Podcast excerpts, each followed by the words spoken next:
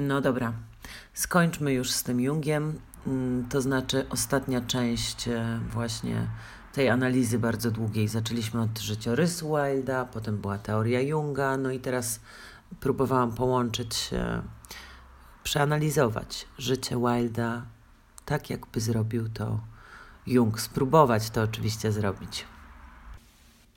A teraz przyjrzyjmy się kilku aforyzmom Wilda. Bardzo lubię jego aforyzmy. Na przykład doświadczenie, nazwa, jaką nadajemy naszym błędom. Albo droga do prawdy wybrukowana jest paradoksami, czyli dialektykami. Umieć żyć to najrzadziej spotykana rzecz na świecie. Większość ludzi tylko egzystuje. No i najfajniejszy, w życiu trzeba być troszeczkę niemożliwym. Ok, wracajmy do e, naszej analizy. Archetypy i kompleksy, czyli kolejna jakby warstwa osobowości według Junga. Opierając się na tym, co Wilde sam o sobie mówił i opierając się na jego najbardziej znanym dziele, czyli portret Doriana Greya, polecam, przeczytajcie książkę, jest krótka, jeśli nie lubicie czytać, a bardzo, bardzo, bardzo ciekawa. Film zupełnie nie przystaje do tej książki. Ok, więc według tego, co Wilde mówił, to Bazyli Hallward, za którego Oscar się uważał, tak mówił, że to odzwierciedla jego świadome ja, czyli właśnie ego. Z kolei Dorian, którym Oscar chciał być, odzwierciedla anime, czyli obraz duszy. Portret Doriana, który zbierał ciężar grzechów Doriana, uwalniał go od poczucia winy, możemy uznać za cień Wilda. Natomiast Lord Henryk był tym, za kogo uważał Oscara świat. Odpowiadał więc personie. Lord Henryk był tym, który prowadził Doriana na manowce. Jego dowcip i specyficzne poczucie moralności zatruły umysł Doriana. Lord Henryk przypomina zabawnego, błyskotliwego Oscara, który był dosłownie rozrywany przez towarzystwo. Każdy chciał go u siebie gościć, a jego umiejętności czarowania i bawienia były wyjątkowe. Z kolei Bazylii, czyli malarz portretu Doriana Greya, jest jego przeciwieństwem, nietowarzyski, przewrażliwiony, naiwny artysta. Jak zatem autor tej książki? Jak zatem Oscar Wilde z introwertywnego chłopca zmienił się w ekstrawertywnego bon vivanta? Jak Wilde stworzył swoją legendarną personę? Persona. Wilde najpierw był nieśmiałym, zamyślonym, niezwykłym chłopcem. Jednocześnie nieświadome, ale ekstrawertywne uczucia sprawiały, że ważna była dla niego opinia otoczenia. Kiedy poszedł do koledżu, zaprzyjaźnił się z Mahafim, który był mile widziany w towarzystwie arystokratycznym ze względu na swój talent oratorski. Był wielkim mówcą. Wtedy pomocnicza intuicja skłoniła Oskara do zbudowania persony na podobieństwo tej, którą miał Mahafi. Jeżeli nie y, znacie tych pojęć jungowskich, to w poprzednich podcastach ja to wyjaśniałam, więc jakby jest to, ten podcast jest częścią dłuższego mm, podcastu. Oskar przeczuł, że jego talent do błyskotliwej konwersacji będzie jego przepustką do sławy. Po opuszczeniu koledżu w Oksfordzie Wilde przypomina już trochę tego roześmianego Dandysa, który jest nam dzisiaj znany. Na uniwersytecie wykończył swoją personę. Na przykład zgubił irlandzki akcent, nauczył się mówić hipnotyzującym, głębokim głosem, stał się ostentacyjnie estetą, zaczął wydawać sławne przyjęcia, w których alkohol lał się strumieniem.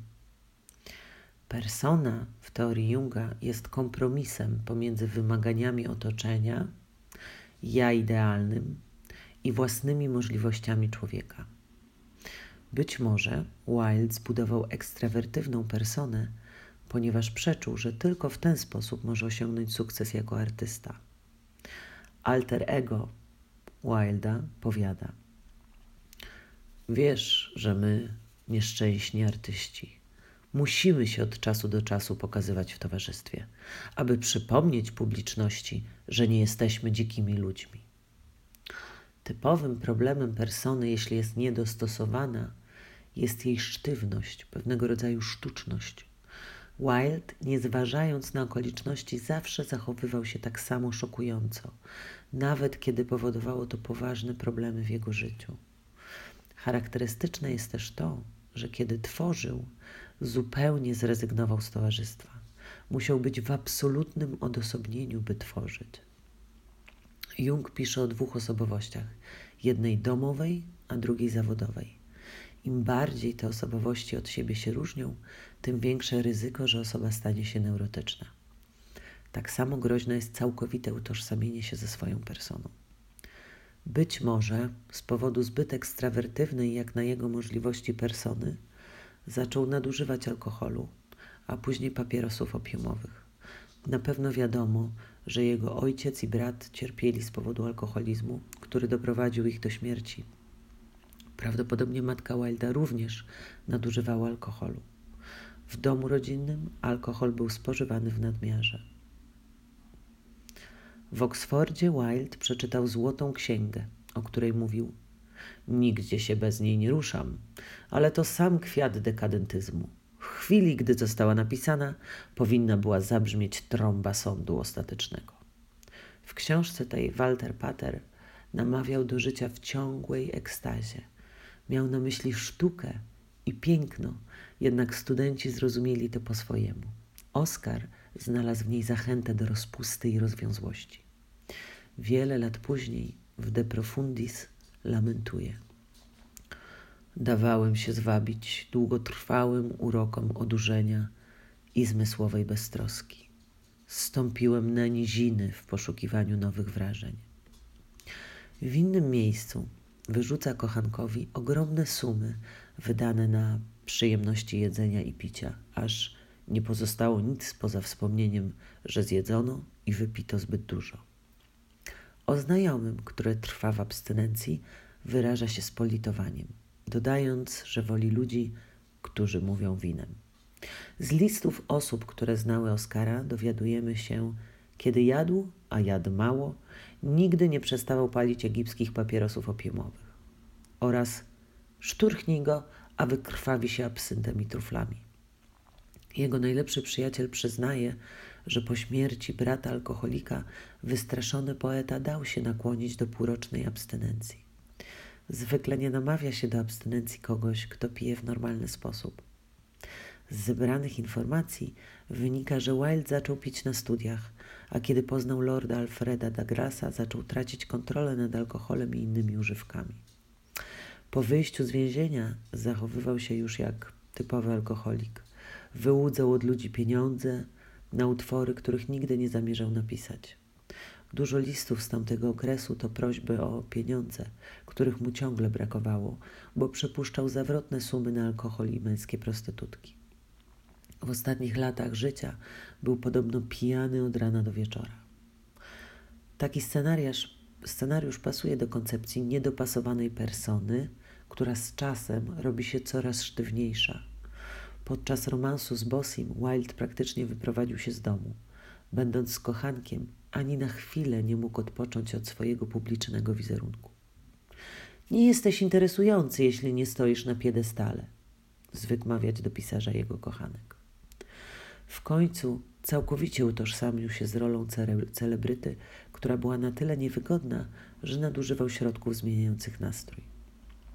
Pomijając ewentualne uzależnienia, jego wizerunek przyniósł mu sławę i pieniądze na długo przed jakąkolwiek publikacją. Myślę, że nikt nie był w stanie w czasach przed marketingiem i PR-em wymyślić takiej strategii. Myślę, że to intuicja wpadła na genialny plan, który Wilde systematycznie wcielał w życie. W ostatnim trymestrze studiów obwołał się reformatorem stroju i prowokująco stwierdził, że kwestia ta jest znacznie ważniejsza od reformy religii. Po studiach w Londynie awansował samego siebie na profesora estetyzmu i krytyka sztuki. Obracał się w kręgach arystokratycznych. Chętnie go zapraszano, ponieważ bawił gości rozmową i jak Lord Henry zaskakiwał ekstrawaganckimi poglądami i aforyzmami. Dzięki tym poglądom, których krytyka obiegała cały kraj, stał się niezwykle popularny. Wyśmiewano go w satyrycznym The Punch, tworzono sztuki teatralne z postaciami podobnymi do niego. Najbardziej znaną była Patience, operetka szydząca z ruchu estetycznego. Patience miała zostać wystawiona w Ameryce, a ponieważ tam estetyzm był nieznany, zatrudniono Oscara. Za oceanem dziennikarze rozchwytywali młodego estetę, który nie miał nic do oclenia prócz talentu. Jego wykłady na temat estetyzmu okazały się sukcesem, a on sam celebrytą z trzema asystentami.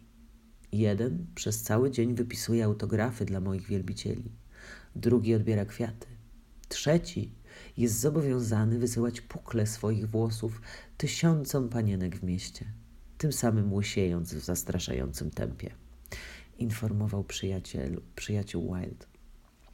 Po powrocie ze swojej podróży Wild był sławny nie tylko w USA i Kanadzie, ale również w Anglii. Persona, którą stworzył, zapewniła mu bogactwo i sławę. Nic dziwnego, że się z nią utożsamił, skoro zapewniała mu takie powodzenie. Kiedy pojechał do Paryża, kolejny raz zmodyfikował wizerunek. Intuicyjnie czuł, że estetyzm się wyczerpał. Porzucił swój zniewieściały strój na rzecz płaszcza podbitego futrem i loków a la Neron.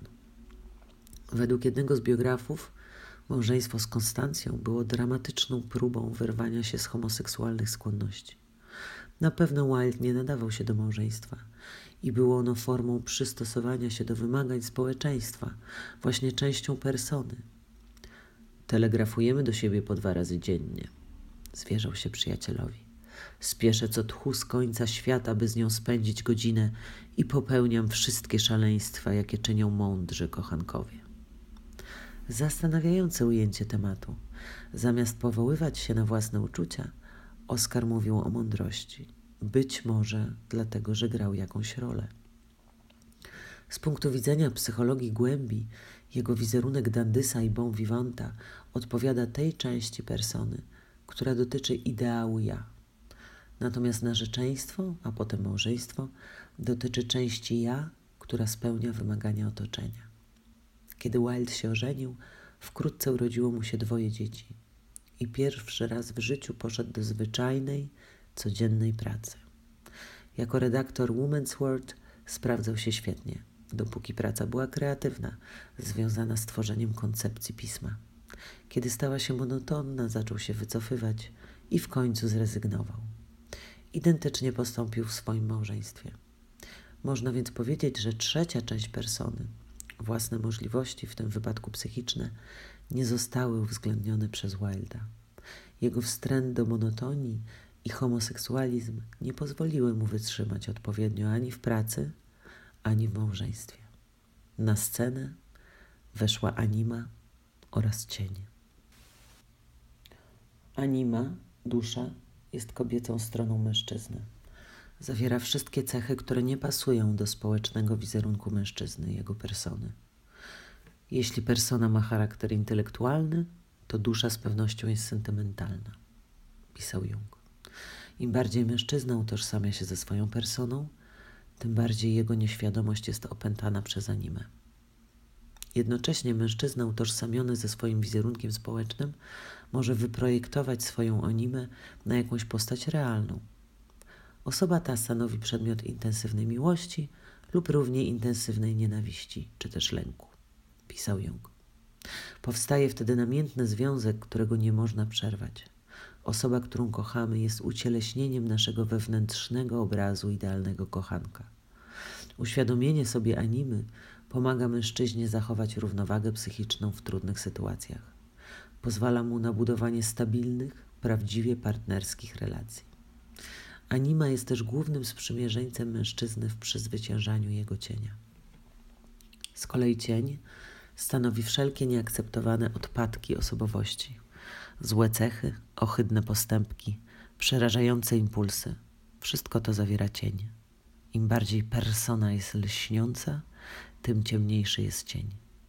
Nieakceptowane społecznie zachowania, na przykład agresja, czy w społeczeństwie wiktoriańskim homoseksualizm, będą zepchnięte właśnie tam, w nieświadomość. Proces indywiduacji, rozwoju polega na rozpoznaniu wszystkich elementów nieświadomych. Jeżeli takiej pracy się nie wykona, człowiek nie potrafi rozróżnić cienia, animy czy mniej wartościowych funkcji psychologicznych. Stanowią nieświadomy chaos, który przy każdym osłabieniu ego, jak stres, alkohol, narkotyki, przejmuje dowodzenie. Portret Doriana jest idealną ilustracją powyższych koncepcji. Lord Henry, którego można uznać za personę Wilda, nie popełnia grzechów, do których namawia. Zrzuca je na niewinnego, wrażliwego i zniewieściałego Doriana, czyli anime. Młodzieniec egoistycznie spełnia swoje zachcianki, nie cofając się przed niczym. Jednak ciężar jego grzechów przejmuje namalowany portret. Dorian pozostaje niewinny na wieki. W psychologii głębi takie udawane, niewinne życie oznacza wyalienowanie się od cienia. cienia. Człowiek ukrywa swoje słabości przed samym sobą. Stara się być idealny. Kompleks perfekcjonistyczny. Jednak nie da się żyć bez swojego cienia. Trzeba go zasymilować i dzięki temu zrozumieć własne ograniczenia, kompleksy i wyciągnąć wnioski z własnych błędów.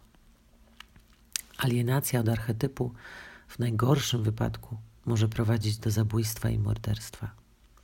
Dlatego wyalienowany od swojego portretu cienia Dorian zabija najpierw Bazylego, a potem, niszcząc portret, zabija sam siebie.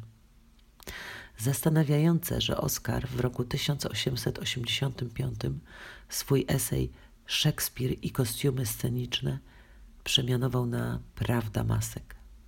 Czyżby Anima szepnęła, że wkrótce zacznie się jego największa maskarada? Jego osobowość miała się podwoić. Z jednej strony stateczny ojciec rodziny, zapraszany do najlepszych domów, z drugiej rozpustny homoseksualista, ukrywający się wśród szumowin w burdelach. Homoseksualizm w tamtych czasach był potępiony społecznie do tego stopnia, że homoseksualiści nie uprawiali seksu analnego. Była to zbrodnia równa morderstwu. Można wyobrazić sobie, jakim przekleństwem w tamtych czasach była odmienna orientacja. W 1886 roku poznał Roberta Rossa, który według większości biografów był pierwszym homoseksualnym kochankiem Oscara. Wilde miał wtedy 32 lata. Zarówno małżeństwo, jak i konwencjonalne życie zmęczyło go. Zbytnie utożsamienie z personą jest często źródłem kryzysu wieku średniego. Można przypuszczać, że tak było w przypadku Oscara. Wierność w życiu uczuciowym to nic innego jak stabilizacja w życiu umysłowym. To po prostu przyznanie się do porażki. W tym momencie idealnym ruchem byłoby rozpoczęcie indywiduacji, rozpoznanie swojego cienia, poznanie własnej animy. Wilde jednak nie spróbował konfrontacji. Uciekł w romans z Rosem i spędzał coraz więcej czasu poza domem. Dlatego nie można mówić o animie i cieniu oddzielnie, ponieważ nierozpoznane tworzą nierozróżnialny amalgamat w nieświadomości. Nierozpoznane archetypy zawładnęły artystą. Wilde zaczął się cofać w rozwoju z odpowiedzialnego, czułego męża, bawiącego się ze swoimi dziećmi, przeistoczył się w egocentrycznego, egotycznego potwora. Z drugiej strony archetypy te uskrzydliły twórczość dramaturga. Podwójne życie zainspirowało wszystkie jego najlepsze utwory. Portret Doriana Greya, wachlarz Lady Windermere, mąż idealny i w końcu absolutnie zachwycające Bądźmy poważni na serio. Każda z tych sztuk mówi o podwójnym życiu, o jakiejś strasznej tajemnicy skrywanej przez głównego bohatera. Można założyć, że pierwszym etapem była nieświadoma identyfikacja z własną animą, stąd kontakty homoseksualne, jak i nagły wybuch kreatywności. Dopiero po poznaniu Rosa Wilde zaczął tworzyć coś ponad recenzję książek. Napisał trzy nowele, wydał tom bajek i w końcu portret Doriana Greya, który przyniósł mu sławę. Jednak archetypy mają dwie twarze, dlatego portret przyniósł poecie również niesławę. niesławę, która miała go doprowadzić do strasznego upadku. Już w pierwszym napisanym w tamtym czasie opowiadaniu Zbrodnie Artura Seville wyczuwa się mające nadejść wydarzenia. Czyż nie było możliwości ucieczki? Czyżbyśmy nie byli niczym innym, jak tylko pionkami na szachownicy, kierowanymi jakąś niewidzialną potęgą, naczyniem glinianym, które garncarz lepi według swojego kaprysu na cześć lub hańbę. Większość mężczyzn i kobiet zmuszona jest grać role, do których brak im kwalifikacji. Nasi Gildensterni grają dla nas Hamleta, nasi zaś Hamleci muszą błaznować jak książę Hal. Świat jest teatrem, lecz role są źle dobrane. Po napisaniu Doriana Greya w Wielkiej Brytanii zawrzało. Uważano, że książka ma zły wpływ, namawia do dekadentyzmu. No ale sprzedawała się świetnie. Autor u szczytu popularności. Zawsze był otoczony wianuszkiem młodych, pięknych chłopców. Gdyby wtedy rozpoznał swoją nieświadomość, odczytałby ostrzeżenie zawarte w swoich własnych opowiadaniach. Wilde wolał jednak wyprojektować swoje archetypy, pozbyć się problemu. Romans z Rossem szybko się skończył i na scenę wkroczył Lord Alfred Douglas, którego bliscy pieszczotliwie nazywali Boysim.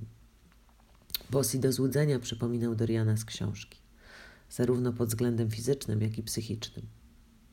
Nie było twoją wadą to, że wiedziałeś za mało o życiu, lecz to, że wiedziałeś o nim zbyt wiele.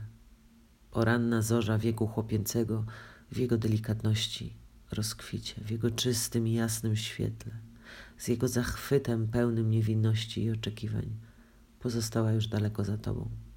Stopą szybko biegacza przeniosłeś się z romantyzmu w realizm. Zafascynował cię rynsztok i wszystko, co w nim żyje. To właśnie było przyczyną kłopotów, w których szukałeś mojej pomocy. A ja, niemądrze według pojęć tego świata, okazałem ci ją z grzeczności i współczucia. Wilde dosłownie zwariował na punkcie młodego lorda. Kupował mu drogie prezenty, płacił za wszelkie ekstrawagancje, był na każde jego zawołanie. Wybaczał mu wszystko. Tłumaczył każde świństwo jego trudną sytuacją rodzinną. Wyprojektowanie animy na osobę realną objawia się takim silnym przywiązaniem. Wewnętrzna, własna fantazja idealnego kochanka przykleja się do jakiejś osoby. Fantazja ta ma niewiele wspólnego z rzeczywistością, ale o tym można się dopiero przekonać, kiedy się ją wycofa. Wilde wycofał swoją fantazję dopiero w więzieniu, kiedy napisał bardzo długi list do Douglasa, opublikowany później pod tytułem De Profundis. Wcześniej pozostawał pod urokiem i wpływem młodego Bossiego. Dla niego opuścił zarówno żonę, jak i dzieci, które bardzo kochał. Uważał, że miłość go uskrzydla, pozwala mu pisać. Faktycznie wszystkie swoje najlepsze komedie napisał podczas tego burzliwego romansu. Miał okresy nurzania się w rozpuście. Jedli, pili, wynajmowali męskie prostytutki. W Tunezji palili haszysz i wynajmowali młodych chłopców. Kiedy pieniądze się kończyły, Wilde zamykał się w jakimś spokojnym domu i pisał. Prawdopodobnie, tak jak Dorian, nie odczuwał poczucia winy.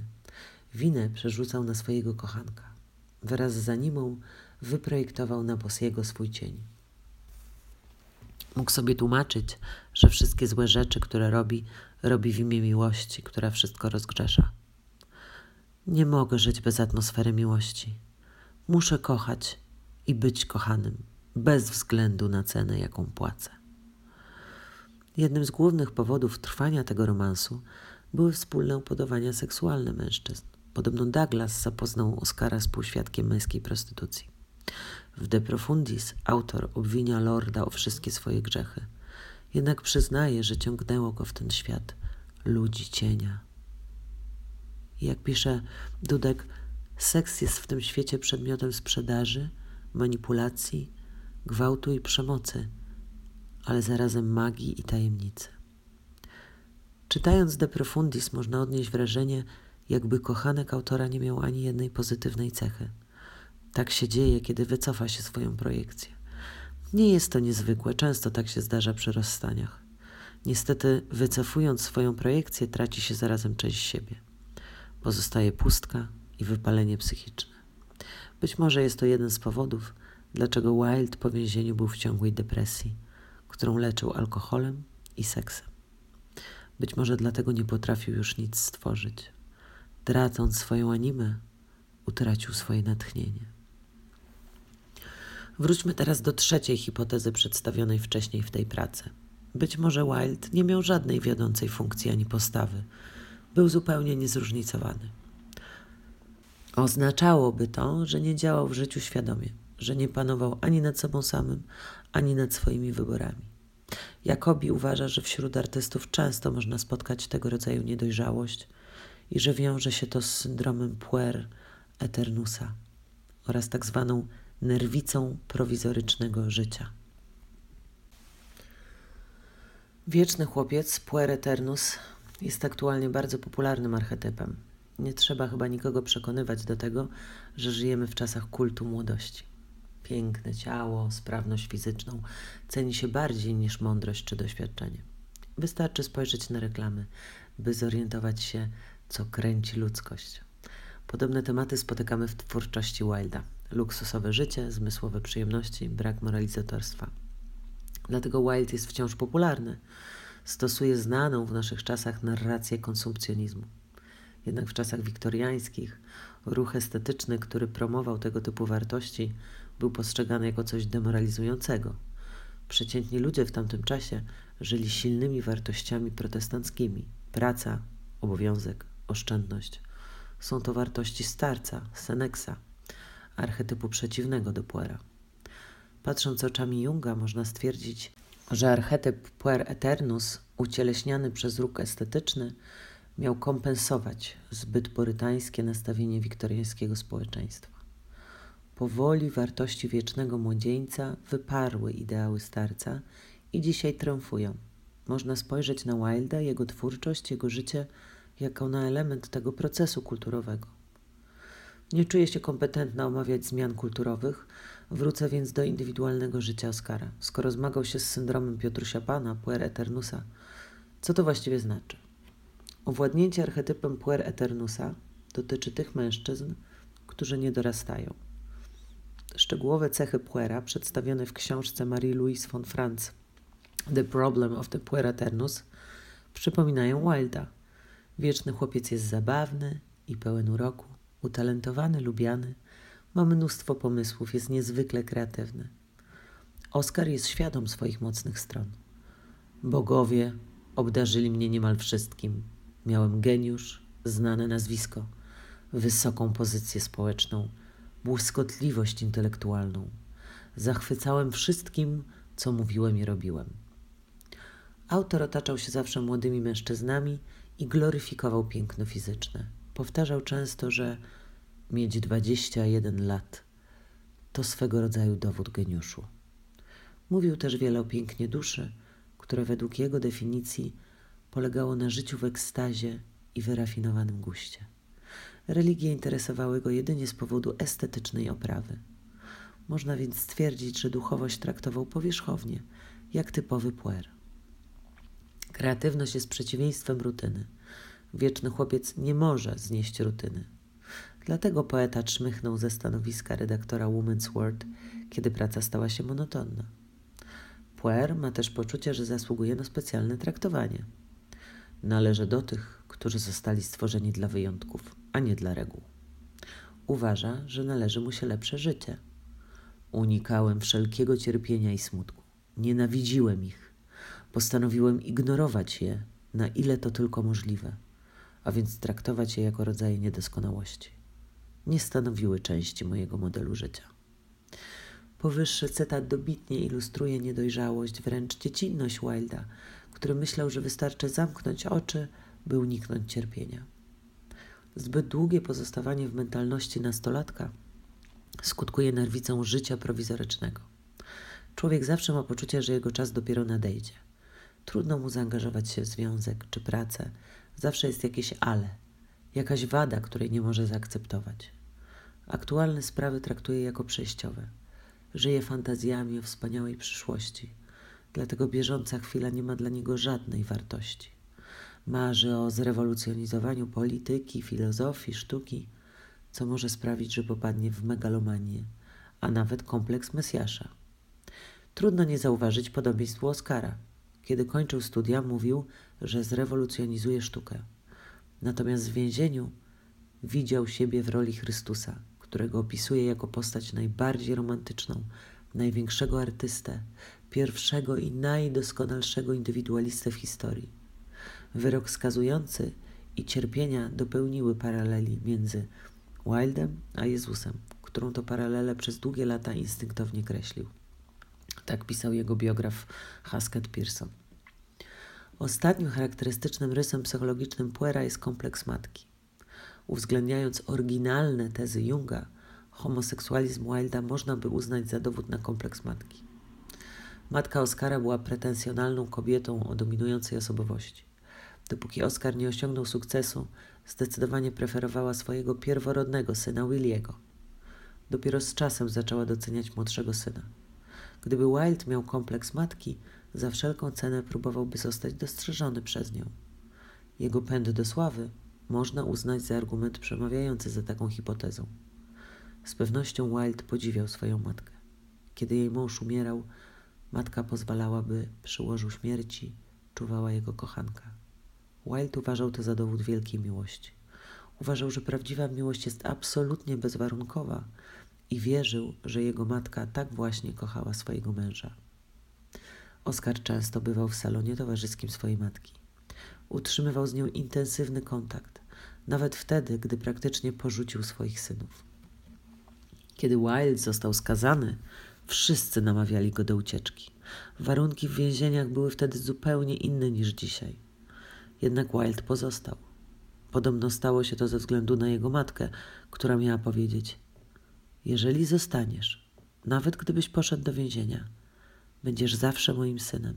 Uczucie moje się nie zmieni. Ale jeśli wyjedziesz, nigdy więcej do ciebie ust nie otworzę. Wydaje się, że Wilde kochał matkę bardziej niż Konstancję, mimo że Konstancja utrzymywała pisarza zanim osiągnął sukces oraz po tym, jak stracił wszelkie środki do życia, mimo że to ona wraz z jego synami najbardziej ucierpiała na skandalu. Szczególnie widać to w listach, które pisał na wygnaniu. Imię Konstancji wymienia prawie zawsze w odniesieniu do pieniędzy. Natomiast o matce pisze z największym szacunkiem, uważając, że to matka została najbardziej poszkodowana przez splamienie nazwiska i brak jego wsparcia finansowego. Bardzo przeżył śmierć Lady Wild. Nikt lepiej od ciebie nie wie, jak bardzo ją kochałem i szanowałem. Jej śmierć była dla mnie straszna. Nie byłem w stanie znaleźć słów, które udźwignęłyby tak majestatyczny ciężar, ani też przejść wystarczającym muzycznym dostojeństwem przed wybitą purpurą scenę mego niewyrażalnego smutku. Kiedy parę lat później umarła jego żona, zupełnie się tym nie przejął. Interesowały go wyłącznie kwestie finansowe z tym związane. Opisując w liście do Rosa swoje odwiedziny grobu żony, szczegółowo przedstawia jego estetyczne walory i zwraca uwagę przede wszystkim na to, że nie jest wymieniony w epitafium. Hipoteza Puera Eternusa wraz z kompleksem matki wyjaśnia, dlaczego Wilde nie uciekł przed więzieniem. Nie mógł sprzeciwić się woli matki. Wyjaśnia również jego niedojrzałość. Matka Puera zrobi wszystko, by syn nie dorósł. Ciekawe, że kiedy syn chciał uciec przed więzieniem, zajęła tak zdecydowane stanowisko. Natomiast kiedy wyprowadził się z domu, zostawił synów, tylko nieśmiało wspominała, że Konstancja cierpi. Indywiduacja, czyli rozwój psychiczny poety, przebiegał do pewnego momentu prawidłowo. Zadania pierwszej połowy życia, dostosowanie się do wymagań świata nie stanowiły dla niego problemu. Osiągnął niebywały sukces zawodowy, miał kochającą rodzinę, arystokracja go uwielbiała, wszystkie drzwi stały przed nim otworem. Zakładając prawdziwość hipotezy o zbytnim utożsamieniu się z personą, można uznać, że w wieku około 32 lat Oskar przeżywał kryzys wieku średniego. W tamtym czasie powstała na przykład bajka o rybaku, który odcinając swój cień traci własną duszę. W portrecie Doriana Greya poszczególne postaci odzwierciedlają konflikty wewnętrzne autora. Obydwie powieści podejmują temat duszy i cienia. Obydwie kończą się tragicznie dla głównego bohatera, który grzeszy i płaci za to własnym życiem. Jung uważał, że rozwój osobowości to proces, który musi zostać narzucony. Okoliczności wewnętrzne lub zewnętrzne sprawiają, że człowiek po prostu nie ma innego wyjścia. Kryzys wieku średniego jest taką okolicznością. Pewne części osobowości zostały zaniedbane i należy je teraz rozwinąć. Oskar jednak uciekał przed tym zadaniem. Uciekał przed samym sobą w coraz dłuższe i częstsze okresy rozpusty. Romans spowodował jeszcze większe utożsamienie się z personą, bo tylko ona gwarantowała mu podziw kochanka. Douglas otwarcie przyznał: Nie jesteś interesujący, jeśli nie stoisz na piedestale. Dlatego Wilde nie potrafił się odróżnić od własnej persony, a wszelkie niepasujące do niej brzydkie cechy i uczynki projektował na swojego partnera. Okoliczności wewnętrzne, kryzys wieku średniego, nie doprowadziły do indywiduacji Wilda. Można zatem poważyć się na hipotezę, że uwięzienie Oscara spowodowane zostało innymi działaniami nieświadomości, która dążyła do indywiduacji za wszelką cenę. Może wydawać się to niewiarygodne, ale tak samo niewiarygodne jest to, że Wilde nie uciekł przed więzieniem. Miał ku temu wielokrotnie sposobność, a więzienie w tamtych czasach było przerażające. Jung pisze, nierzadko nerwica skrywa mroczne problemy moralne lub niepojęte przeznaczenia. Być może przeznaczeniem Wilda był rozwój psychiczny, który dla niego mógł zacząć się wyłącznie w więzieniu. Niezależnie czy chodziło o zbyt sztywną personę i związany z tym kryzys wieku średniego, czy syndrom puereternusa, który powodował jego niedojrzałość, jedynym wyjściem była indywiduacja, rozwój, niemożliwa w normalnych warunkach. Stąd przedziwne wybory Oscara, które doprowadziły go do więzienia, co za tym idzie izolacji i, w końcu, autorefleksji. W De Profundis, długim liście, który napisał w celi, widać ewolucję psychiczną autora. Zaczyna od akapitów pełnych pychy. Zrzuca winę za wszystkie nieszczęścia na swojego kochanka. Utożsamia go z Judaszem, a siebie z cierpiącym na krzyżu Chrystusem. Potem jednak bierze winę na siebie, odnajduje część swoich win, błędów i obiecuje poprawę. Postanawia zacząć nowe życie, bardziej naturalne, bardziej skromne. Świadczy to o przemianie autora, o jego indywiduacji. Nie są to słowa rzucane na wiatr. Jego jedyny po więzieniu utwór, ballada o więzieniu w Reading, zaskakuje prospołecznym wydźwiękiem. Pierwszy raz Wilde robi coś w trosce o innych. Podobno XIX-wieczna reforma więziennictwa skorzystała z uwag Wilda zawartych w balladzie i w listach, w których opisywał koszmarne warunki więzienia. Niestety nie starczyło mu zapału do zmiany. Jak mawiał, dobre postanowienia są to czeki wystawione na bank, w którym nie mamy konta.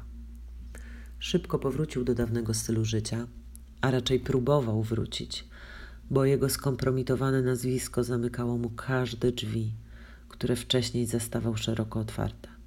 Pozostawało mu picie alkoholu i pisanie listów. Nie mógł tworzyć. Można to tłumaczyć na różne sposoby. Jeśli Wilde cierpiał na syndrom puer aternusa, to zbyt ostre zderzenie z rzeczywistością mogło wepchnąć go w przeciwny biegun psychiki, symbolizowany przez archetyp Seneksa. Utracił radość życia, stał się Seneksem, zmęczonym, cynicznym starcem. Seneks nie ma w sobie ani fantazji, ani kreatywności. Być może dlatego nie mógł już pisać. Z drugiej strony biografowie sugerują, że talent Oscara wynikał z jego pozycji społecznej, z jego światowej persony. Tworzył dzieła w kontakcie z drugim człowiekiem, był gawędziarzem, potrzebował publiczności, sławy, swojej ekskluzywnej persony. Utracił ją, kiedy został skazany. Może dlatego nie mógł pisać. A może to anima i cień wyprojektowane na kochanka były dla niego natchnieniem. Wilde w ostatnich latach życia próbował odzyskać Bossiego. Był przekonany, że dzięki niemu odzyska natchnienie.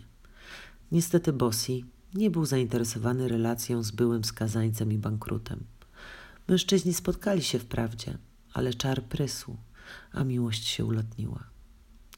Nie wiadomo, jak potoczyłoby się życie Wilda, gdyby trafił na analizę jungowską albo na terapię DBT. Być może nie skończyłby tak źle, ale czy byłby równie twórczy? Okej, okay, teraz możemy podsumować. Zmęczyłam się czytaniem i opowiadaniem, więc Wy na pewno też zmęczyliście się słuchaniem. Podsumowując, próbowałam odpowiedzieć na pytania, które mnie nurtowały. Dlaczego Wild nie uciekł przed więzieniem, mimo że miał okazję? No i według teorii Junga ma, mamy tutaj różne opcje. Na przykład, ponieważ jego nieświadomość dążyła do indywiduacji yy, i to mogło zdarzyć się tylko w więzieniu, czyli tutaj mamy tą koncepcję puer eternus, Piotruś Pan, albo utożsamienie się z personą, kryzys wieku średniego. Druga możliwość, miał kompleks matki, matka nie pozwoliła mu uciec. Trzecia, nie zdawał sobie sprawy z powagi sytuacji, czyli naiwność puer eternusa. Drugie pytanie, które mnie nurtowało, dlaczego Wilde nie potrafił rozstać się z Douglasem? I tutaj mamy odpowiedzi takie, że nierozwinięte uczucie i doznanie sprawiały, że nie był w stanie odmówić sobie rozkoszy, jaką dawał mu ten związek, i to by wynikało z, z typu psychologicznego Wilda albo z syndromu puer eternusa. Druga możliwość, projektował swoją animę na kochanka, więc opuszczając go utraciłby część samego siebie. Trzecia, projektował swój cień na kochanka i opuszczając go nie miałby na kogo przerzucić poczucia winy za swoje prowadzenie się. No i trzecie pytanie, najbardziej dla mnie ciekawe, dlaczego Wild nie mógł już pisać po więzieniu? Pierwsza odpowiedź: pisanie było związane z jego światową personą, którą utracił, albo pisanie było związane z animą i cieniem, które wyprojektował na Douglasa, którego utracił, albo pisanie było związane z kreatywnością Puer Eternusa, a Wild po więzieniu dostał się pod wpływ przeciwnego archetypu Senexa, starca.